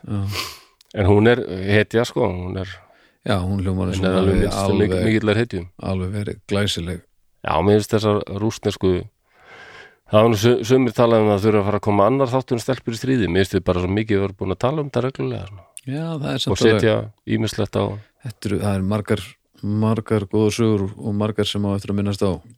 Já, og svo mátti já, var nú lofað því að vera með þátt um konur í vilda vestrinu. Það er að fara Já, gera það mig í brók nú er sólum hann að hækka á lofti og ég verið að losa mig við þetta vetrarslegan sem er ekkert annað en þunglindi sko. þegar þunglindi er líka ósalega líkanlegur sjúkdómur. Það er bara, já, heilin minn vill ekki framleiða ákveðum bóðirni sem bara, þannig að ég bara sef og sef og er bara, já, þetta er ekki drífandi nei, sko. þetta er, það, er staðrætt nei en mér líður ágætlega sem betur Já, já þið, þú veist, þið líður ágætlega en þú ert ekki að fara að slána inn hér nei, ég held ekki, Akkurat, ég þarf að gera skemmtilega þætti fyrir drauga fórtíðar Já. og þá þarf ég að rífa slenið þessu upp og það, það, fara að læra í háskólanum Algjörlega. Ég og, vil standa mig í lífinu. Já, já, það er ágættis plan sko. Eða ekki? Jú, en svo verður líka gaman að við þurfum að taka rúnt um landið og svona eitthvað og, Já, Það en ef er lífið ef dapurt er lífið ef líka þeir vífið en tekst samt ekki það að ná söng Jóhann R. Kristjánsson á plötunni er eitthvað að sem kom út árið 1982 og hann er einmitt frá Östurlandi og við þurfum einmitt að fara á Östurland Hvað var hann að syngja um víðið séru? Nei, vífið Já, Víf, já, svona víf. já, já, já, ég var að pæla djöð, hvað var hann? hann var svona Var þetta bara. Sókrates, Sókrates okkar hann var að vesinast þetta er oft talin vera sko líklega versta plata sem er komið út á Íslandi alveg Já. þangað til kannski Gunnar Jökull kom með hamfarir Já, hún þótti svona það, nei, þetta ég þegar fólk byrja að tala um verstu ég veit, heiði bara. Já. Þetta er bara bull. Eh, mér finnst þessar tvær til þess hamfarir Gunnars Jökuls mm. og er eitthvað að með Jóhanni er, mér finnst það skemmtilega Já, versta plata Íslandsögun er plata sem einhver drull er búin að tala um í 30 ár og aldrei komið í verk að gera. Já, alltaf ekki. Það er miklu verra en Já, að gera einhverja plötum ba- bara eins og maður vil hafa hana sko. ég elska hérna, er eitthvað að mm. já, dagbæst er lífið er líka þegar vífið Statu, já, dagbæst er lífið er líka þegar vífið en takk samt ekki það að ná. Status samt keikur, vert ekki smeykur reyndi aðra að ná. Wow, þetta er æðislegt lag. Þetta er ekki það Þá sá ég þig, þú hafðir áhrifi á mig, því ákvaði ég að halda fram að þrauka þennan vetur vegna þín, vegna þín, tralalala, tralalala, þetta er Þú- frábær plata. Þetta er bara þú að syngja til drauga hortjar Já. En svona er þetta, já, já. En og rússar, hann, Joseph Berli er ennþá algjör hetja í Rússlandi í árið 2010, bara fyrir 12 árum síðan. mm þá var sýning í Moskvu og þremur öðrum rúsneskum borgum til einhverju honum bara. Já, hann er bara einken, hann er bara dæmi um útletting sem hérna tók þátt í föðurlandsstríðinu mikla eins og rússar kallaði þetta. Já, já, þeir tala ekkert alltaf um setni heimströldina þetta heitir bara föðurlandsstríðinu mikla. Já, alveg eins og Japanið tala vist aldrei um setni heimströldina heitir bara Kyrrahafstríð já. Fyrir þeim var þetta náttúrulega bara stríðu bandarækjumenn aðalega og kynverja á, kunnu svæði. Já, já, þetta við er, erum svo eurocentrísk en já, rússum hefur fundist þetta að vera svona merkilegt að hann hafi ákveðið að slást í hópin og berjast með Já. þeim. Já, sem, sem það er náttúrulega. Allavega ekki mörg dæmi um þetta heyrðis mér. Og þessi sýning var þetta miklu aðtegli að Amerikanar tók hana líka sko. Já, já, þannig að segja að hann hafi gert mikið til að samina dálítið þessar tvær þjóðir sko. hrista hópin saman Þetta er, hann er eini eh, allavega eini Amerikanin mögulega bara sá eini af bandamönnum sem barðist bæði í bandarska hernum og sovjíska hernum í setni heimstöldin já, já, nú er ég bara komin í skriðdrykkan ykkar eða þá fara hringin hvað heiti þið? hann hefur verið svona að hrista, hrista liðin saman Já, já, hvað er upp á sliturinn ykkar? Hvað, hvað á þetta að vera? hópefli, hvað Já, hópheflið svartnættin er ekki það mikið og það Nei, er ekki hópefli Nei, þegar, þegar þú sér það svona hreint og tært eins og ég er að gefa hérna. Nei, nei, eh, ég, hvernig, hvernig er hóphefli í Já, já. Ég veit skriðdrekanum, ekki. Nei, ég, ég er ekki þetta að setja sig inn í þetta. Mér leiðist það líka svo mikið á þessu spjallborðin þegar um, menn er ykkur um feitum lazy boy heima hérna og aldrei, aldrei á byssu eitthvað og er að tjá sig eitthvað um hvernig menn hefðu átt að höndla ykkur að hluti í já, já. ég, eins og kana fýblið sem gerði mig brjálaðan og er frá aftur langað Nei, nei, ok. þegar maður segja að þetta veri hugleysi ef Íslandi að lýsi yfir hlutleysi þegar þjóðar er eðist á Danmörku mm. það var hugleysi Ísland, Íslandingar hefur bara átt að segja þjóður um stríð og hendur já, já. En það voru reyndar ægilega allir, ekki bara ég, margir þess að sögur á honum bara, ertu hálfviti? já, Þannig að, já, já. sagði það? Já, reyndar. Já, hann, hann reyndar dróð aldrei í land þegar ég skrifaði langt svar og sagði bara við erum, það voru 150.000 manns byggðan á Íslandi, bara, þetta var bara gáfulegt að halda í hlutleysið. já, Engin vissi hvernig líka, engin vissi, vá, það eru 1940, þjóður er bara valt yfir öll Norðurlönd, Frakland, já, Holland, Belgíu, búin að taka Austur, Austuríki búin að fá Tekoslovakíu búin að taka Póland Spát með þeim í liði, Ítalía með þeim í liði Bretland, eina landi sem stóð gegn þeim, það er ekkert skrítið að fólki hef ekki litist á blikuna og bara nei. best að vera ekkert að stökku á vagnin með öðrum hvorum aðilan já, gleymist alltaf í þessu að fólk hugsar þetta yfirleitt frá upplýsingunum sem það hefur en ekki upplýsingunum sem fólk hafði at the time sko. Nei, er góðu punktur, Það það er enda alltaf mikið þannig sko. það er stressandi að vita ekki hva, hvernig þetta fer Já, við the benefit of hindsight sko. getum litið tilbaka en þess að segja fólk svo oft að þetta voru bara aðrir tímar og erfitt að útskýra þetta fyrir fólki hvernig þetta var mm. já, Já, en þessar sýningar hverslega sýningar voru þetta? bara um um hann til dæmis þarna, bara að segja sögu hans og myndir af honum og Alessandro Sambosenko og það er, til, það er til fullt sko á Wikipedia síðunum Joseph Barley er til dæmis myndir af lækna vottorði frá sovjaska hernum sko. Já, já, og hérna mér þess að það er mér þess að varðvist líka sko hérna fanga skjalið hans frá þýsk, þýska hernum sko. já, já, ok. Þannig að það er ímislegt til að skoða já, og lesa um bara já, og svona aðlega bara, já, hetuleg bara átta og hérna, Ertu ei- mynd af þeim saman, þeim tveimur? ég hef ekki séð reyndar, því miður. Ekki mikið um selfies kannski. Nei, nei, en það er spurning hvort það hafi verið hvort að, auðvitað, ljósmyndar einni ef ekki, að smetla einni eitthvað? Já, ég æ, ég veit ekki, kannski verður bara klippið út sem ég segi núna, en ég er alltaf þessi myndir af til dæmis uh, já, ekki síst Litju Litvik og Alessandr Sambosenko flott kona maður. Bara, nú er ég sína baldri mynd af henni. Já, hún er töff. Og það er dóu báður í stríðinu sko, Litja Litvik og líka. Já, minnst þetta eitthvað sérstaklega næði þetta til mín að sjá sko ungar konur sem sem börðust sko, voru ákveðnar í því að berjast og já, einmitt eins og varst að segja á hann sem er ekki bara að berjast Nei. í stríði, þetta er líka að berjast gegn öllum þeim sem vilja ekki að það berjist sko. já, Já, það er eins og segir bara ofta með skonur vera löngu búin að sanna það að þær eru algjörlega jafn okkar karlmanna. Já, þetta er bara hræðslan flósið minn. Já, vanafesta hræðsla og, og uh, hvað segja, fullvissum eigið ágætti getur eigðilegt mjög margt sem er frábært. Já, og þetta er eitt skýrasta dæmið um það en vonandi við nú að snúa þessu við núna. Segir það það er sem þetta er orðið svo auglustlega glórulaust þvæla Mér finnst ég vera þokkalega líberal og geta svona talað við alla sem eru með aðra skoðanir en ég sko, stjórnmála eða eitthvað. Það eru þrýr hlutir sem eru ómulett að bara það eru homofóbía, rasismi og kvennfyrirlitning, þá bara ertu búin að missa mig, ég nenni þessu kjaftaði ekki. Af því að þetta er ekkert annað en þetta. Nákvæmlega bara þetta er bara og bara, þetta stendst ekki. Að eiga ekki samtalið skoðun. stundum þarf að eiga samtalið því að fólk er bara hrætt Já, en Já. stundum er ekki hægt að eiga neitt samtala því að fólk er búið að býta eitthvað í sig. Var ekki Morgan Freeman sem sagði að hann þóldi ekki orðið homofóbía? Þetta er fóbía því mannhattur sko, þú trættur við eitthvað. Þú ert ekki trættur, þú er bara annarkvort já, mjög ítla upplýstur eða bara hálfviti. Já, ef þetta er mannhattur þá er hann alltaf já, allt annað sko. Einmitt, það er bara já, já, já, mátt að get alveg hangi í kringum einhvern maður mátt að vera argasti hægri maður eða eitthvað en, bara, en þegar kemur þessum þreymur lutum eitthvað, rasisma, homofóbíu, bara, nei, stopp, já, nenni þess ekki. Rétt.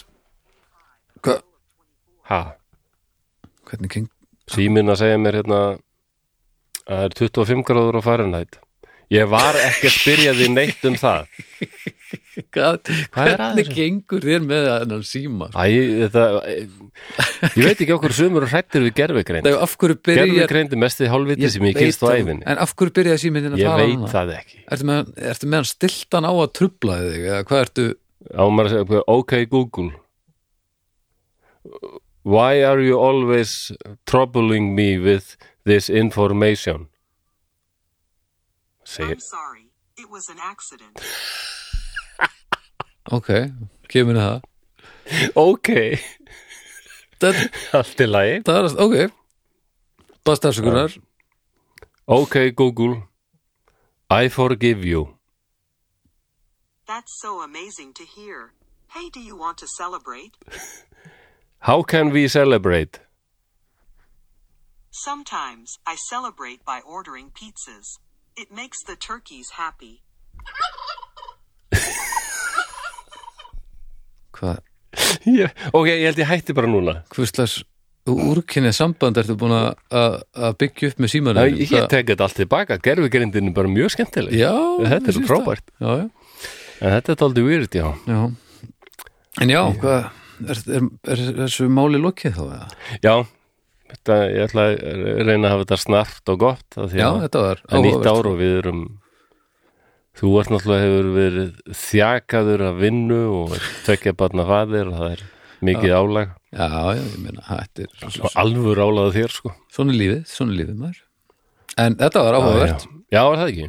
Jú, þetta var helviti áhugavert og djúvill held ég að það voru mörg tækifæri þarna mörg mómenti í þessari söga sem ég hefði voruð alveg sýrlilega stressaður Heldur það? já, Ég, held það. ég held ég voruð mjög stressaður. En ég veit ekkert hvernig ég myndi fungera í einhverju svona. Nei, Ég ég hugsa maður vitið það ekki. Ég held að eins þetta og sé ég eins sagt og, áður hann, hann bosníumadurinn sem kynntist hann Mansúr sem sagði einmitt líka að ég hef aldrei leitt hugan að þessu hvernig Nei, ég er að berjast í stríð en svo er allt henni bara komin í þessar aðstæður nei. og þá bara bregst maður við veginn. Ég held að þetta sé bara ef svona að eins gefast og, upp eða berjast ég held að þetta sé eins og fólki sem að er heima að horfa á Survivor og fer svo í Survivor og getur ekki neitt. Ég er, er hættur með dyrir svoleiðis. Já, það er rosa margir sem halda svona eitthvað já, ég er nú frábæri stríði, þetta er bara eitthvað búm, hlaupa, Æ. fáni. Ég held þú myndi að standa það ágætlega sko. ég, já, já, ég veit það ekki. Eða, eða ekki. Skilur það er ekkert, þú, það er engin alvöru rögg sem þú hefur hvað verður því, ég, ég er alveg efnilegur sem einhver sem gæti staðið mig vel í stríði en það þarf rosalega lítið að gerast til þess að ég verði mjög lélur í stríði já og þá er það yfirleitt bara frekar varanlegt stopp já, og svo veit maður ekki alveg hvernig maður hérna bregst við sko það er hérna einmitt í þáttunum hérna Band of Brothers mm. þar er alveg eitt þáttur sem er frábær sem fjallar daldið mikið um eitt mann sem kiknar undan álæginu sko. mm. um, hvað hétt hann Mannst þetta því? Mm, Nei, Hann missi bara hreinlega sjónina já, byttur nú við og það er, þessi, ég held að það sé að þessi á, frábæri leikari Michael Shannon mm. sem leikur hann já, það er karakter þetta sem heitir Blythe Mm. uh, og hann verður blindur og það er sko um, hann lendur í miklum, mikillega skotrið og hann bara þetta er eitthvað svona blinda sem orsakast bara ofsarhæðslu og, og, og hann er setna skotin í hálsin og nærið því dáin sko. Mm. og hérna, hann hann hérna Winter sem hérna já. var kaftinnin hérna Mm um, það er nefnilega á DFD Band of Brothers þá er viðtölu við þá sem voru sko í þessari sveit. Hún er byggð á raunverulegum mönnum Mhm. raunverulegum aðbörðum þess að er Band of Brothers eitt besta svona stríðsetni sem getur hort á. Já, það er ekkit verið að færa ómikið í stílinn sko. já, það þarf ekki að því að þeir lendu í rosalegum átökum og, já, þetta var alveg ævindarlegt Nei, já, nei, það var ekki Michael Shannon, þetta er Mark Warren sá sem líka þennan Blythe mm. um, og margir og Vinter sagði að mér staldi leiðilega sko margir halda einhvern veginn að hann hafi verið ykkur svona gunga og auðli Mm. en en, en Vinter sagði að það voru allir sem gáttu lendið þessu. Já, það hafði ekkert með það að gera. Nei. þetta var bara svo rosalega erfitt sálræn já, Am- am- margir sem voru alveg sterkir já. geðslega líka bara gáttu kikna undan þessu. Þetta er náttúrulega ekki eðlitt Nei, bara, er ekkert, þú veist, hvernig er verið að skjóta á þig allt í kringu veit ekkert ég veit ekkert er er. Nei, svona sko- ég, ég, fór nú og, fekk að prófa að halda á svona þessum byssum sem voru notaðar hérna. Já, á vinnum mínum sem eiga svona sap já, og þessum maður. Já, í þessum velbyssum, ég ætlaði fyrst bara að, að heyra þetta fyrst á þess að vera með heyrnarlífar mm. þeir sagði að en afsalar háfaði þessu sko. Já, og byrjaði hann að skjóta og ég bara hjálp, stopp. Þetta er alveg ærandi. Og ég get alveg skilið það maður hérna. en myndir vildi benda það sko að hann helt áfram í hernum sko. Hann náði sér eftir þetta, þessi blæð já og já, barðist í kóruðstríðinu þar sem hann fekk alveg medaljur fyrir hugdir sko og hérna hugrekki sko. Já, þannig að það er auðvelt sko eins og Patton hann, hans ferill var eiginlega búinn mm. önnur mynd þar sem George C. Scott leikur hann alveg frábælega hana, bandaríska hersöðingjan Patton Mm. rosalegu karakter en hann var, hans ferill var eiginlega búinn þegar hann heimsótti sko Patton Patton er þetta ekki að hlusta? bara, já, já, Sorry, sorry, bara á geti, kemst ég að til að segja fimmur já Herðu, þetta er alveg bara breytt. Já, hefur, það er frábæð mynd, Patton og hann heimsækir hermenn sem eru að ná sér Mm. og er að spyrja hvað kom fyrir því að við skotin hittni í lærið og það þarf kannski að taka fótinn að mér og hann bara klappar mönnum og stattuðu strákur og það veið og svo kemur hann einhver manni þarna og svo, hvað er með þig? Og, eh, og maður ná ekki segir bara ég bara ég fröys bara, ég geti þetta ekki, gati þetta ekki lendum við sprengju Mm. skotrið og ég bara fröys og læknir segir hann er með hérna uh, svona sjálfsjokk eða battle fatigue já, stríðs, orðstu þreytu Já. og, og Patton löðrungaðan kulnun í stríði kulnur í stríði, Já. af stríðskulnun og þetta breytist einmitt sko í fyrir heimstyrjöldinu er alltaf kallað sjálfsjokk sem er alveg æðislega tóð Já. og svo var þetta kallað battle fatigue mm. og svo er þetta alltaf breyst um, alltaf sé ekki bara post-traumatic stress, stress disorder í dag en Patton bara löðrungaðan fyrir framann alla hana Mm. út helvítis huglýsingi og auðmíki Já, og það blöskaraði öllum þetta svo rosalega, hann var náttúrulega bara kvartað undan þessu og hann var bara tekinn bara sendur heim. Bara, Eisenhower sjálfur hefur bara sagt það og þetta gengur ekki sko. Nákvæmlega. Já, þetta er, ég mitt það er ekki sens að vita hvað þetta gerir við mann. Þetta er álag sem maður aldrei lendi Patton og þrjusu hers, hersöðingi sko, hérna, hans menn fylgd honum alveg bara hann í rauðan döðan sko, og hérna, hann alltaf maður sem sagði sko, hérna, ég vil ekki að þið degið fyrir föðurlandið ykkar. Ég vil að þið látið the other son of a bitch die for his. Mm. eitthvað svona karakter skilja. Frasakall. Já, frasakall Frasi og löðrungur. Já, frasalöðrungur sko. og hann var alltaf að segja þóldi, hann sko, hvað erum við að berjast við þjóðverja? Mm. við höfum alltaf bara semja frið við þá og bara halda áfram inn í Rússland. Það eru aðar óvinnitir mm. sá það fyrir, en já. Já, já. Já, já, Herðu, þetta er búið. Þetta er búið. Þetta var skemmtilegt. Eða ekki bara? Jú. Jú. Við hérna vona fólk hafi haft gaman að þessum ömulega sramtíningi Já, það kemur í Sarpurinn, ljós Það kemur í ljós. Þetta er sarpurinn. En hérna, við viljum bara minna ykkur á að, að fara inn á, á draugarfortíðar umræða hópur og taka þátt í umræðinu þar til dæmis. Þar eru ansið margir að, að stinga upp á alls konar málum og, og, og ræða þetta sem við erum að tala um og, í hverjum og, og það er mjög skemmtilegt. Gríðalega skemmtilegur hópur. já, þetta er frábær hópur og bara er orðin bara alvöru Facebook síða það er bara Já. þjóðþektir einstaklingar að tjá sig þarna Nú, Æ, það tjé- er ekkert öðru vísi. Nei, þetta er kaltæðinni og getur Já, að vera En þetta er skemmtilegur hópur Já, þetta er yndislegur hópur. Og hérna, Mér finnst svo gaman að sjá líka hvað fólk er áhugasamt og hérna, við erum með þáttum eitthvað og svo er fólk alveg að tala um það og koma með auka Já. viðbót við það ef ég má bæta við þá var þetta svona og svona og, sem er mitt frábært. Já, við viljum það því við Flósi veit mjög mikið um margt en ekki allt. Nei, og ég veit alls ekki allt um flest. Ok, þannig, að, þannig að þetta er bara kærkomin viðbót. Veit flest um allt veit ekki allt um flest, ok. Uh, og hérna svo viljum við bara þakka svolsvið Borg Brukhúsi og hérna bónus, Bónus. fyrir aðstóðina og uh, svo vil ég núna taka smá slurk í, í gamla góða Patreon uh, djákna? Upplestri Ó nei, Ójú Er það mörg hundruð manns? Nei, ekki mörg við? hundruð. Það hefur aðeins bæst við, já.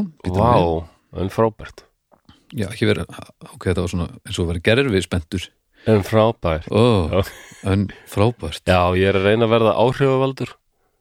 Já, Þannig ég er að reyna að ná því að tala alltaf eins og áhrifavaldur. Já. Það var æðislegt, það var bara að setja Nei, og getur áhrifavaldar eru fí, fínir, ég ætla ekki að vera með þessa stæla. Nei, en uh, að, úst, ég er ekki, já. Þú þyrftir Ég alltaf væri alveg til að Áherslu- áhrifavaldur. þú Mér þyrftir sýnst að að vera þægileg innivinna. Nei, það er ekkit innivinna. Er Það er alveg hardcore útivinna. Þú ert alltaf að vera að taka selfie af þér í allskins aðstæðum útivið. Þetta er bara, þetta er virkilega erfið þolraun að vera áhrifavaldur í dag. Ferðast alveg bara fram og tilbaka heimsorn á milli og alltaf um síman uppið mjög líjandi og krefjandi í fyrir ákveðna típur sko, já, það er rétt ég, ég, held, ég held að þetta myndi ekki henda þér besta Nei, öllu sko. nei. nei. En heyrðu, hérna eru djáknarnir Já, Captain Iceland Air nei, Jú. þetta ekki vera orð uh, Nýjatpak mm -hmm. Riadnal Svo er þetta á ennsku Ríad Riadnal Etchi Já, eiginlega. -hmm. Vel gert. Vá, Takk fyrir, heyrðu, svo er það Dagný Theodorsdóttir já, Ingad Rittos Hjálp! Þjóðsrót Dóet Ritt Ingad Rittos Rót Nei, þetta er óæritt, hjálp. Nei, þetta, Óet Rittóts Ródóet Já, vel, Rót Óet vel gert og blessuð. Takk Hver skýrir barnið sitt? Theodó Ingimar Skjóldal. Ramigni Ladólks Ég er orðið riðkaður í þessum Ladólks Mjög gott, takk fyrir. Birgir Óli Konráðsson. Loksins eitthvað almennilegt. Rigrip Ilo Norsðárnok Já, takk fyrir. Hilmar Henning. Á, Ramlikninne Gninne. Vá, já, vel gert. Takk fyrir. Kristrún Ír Núrdsirk Rí. Já, takk fyrir. Núrdsirk eh, Ragnheiður Pálsdóttir. Ruðjengar Rittótt Sláp. Sláp Það er fallegt, takk fyrir. Dagur Hilmarsson. Rugat Nosramli. Nos Ramli Nors Ramli, auðvitað. Takk fyrir. Áherslan rétt. Uh, Kári Þorleifsson. Írák Nos Fíelroð Já, takk fyrir. Jón Hallmar. Nói Ramla. Ramla. Uh, Takk fyrir. Kristinn Guðmundsson. Nitsirk Nostnum þau Já, takk fyrir. Og svo að lokum er það Baldur Jó. Rullab Ói. Þetta er frábært. Haldi ég. Já, ég- fann að þetta var alltaf að koma aftur svona Já, þetta varst að hitna sko. Já, Takk fyrir, kæru djáknar er þetta nýju djáknar? Já, Frábært, þakka ykkur fyrir.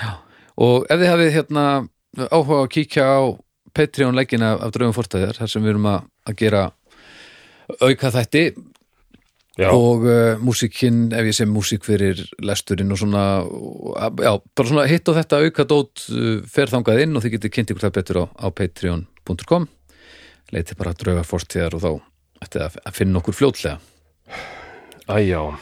Hald ég, eitthvað sem að uh, þú vilt segja að lokum, Flósi Nei, Þannig guð, bara, ertu ánægð með við sem byrjaðir aftur Já, á á þessu ári og svona? já, og bara ég bara eins og ég segi, bara reynsa mér slenið og Já, reyna að hafa gera aðra skemmtilega þátti í þætti. Já.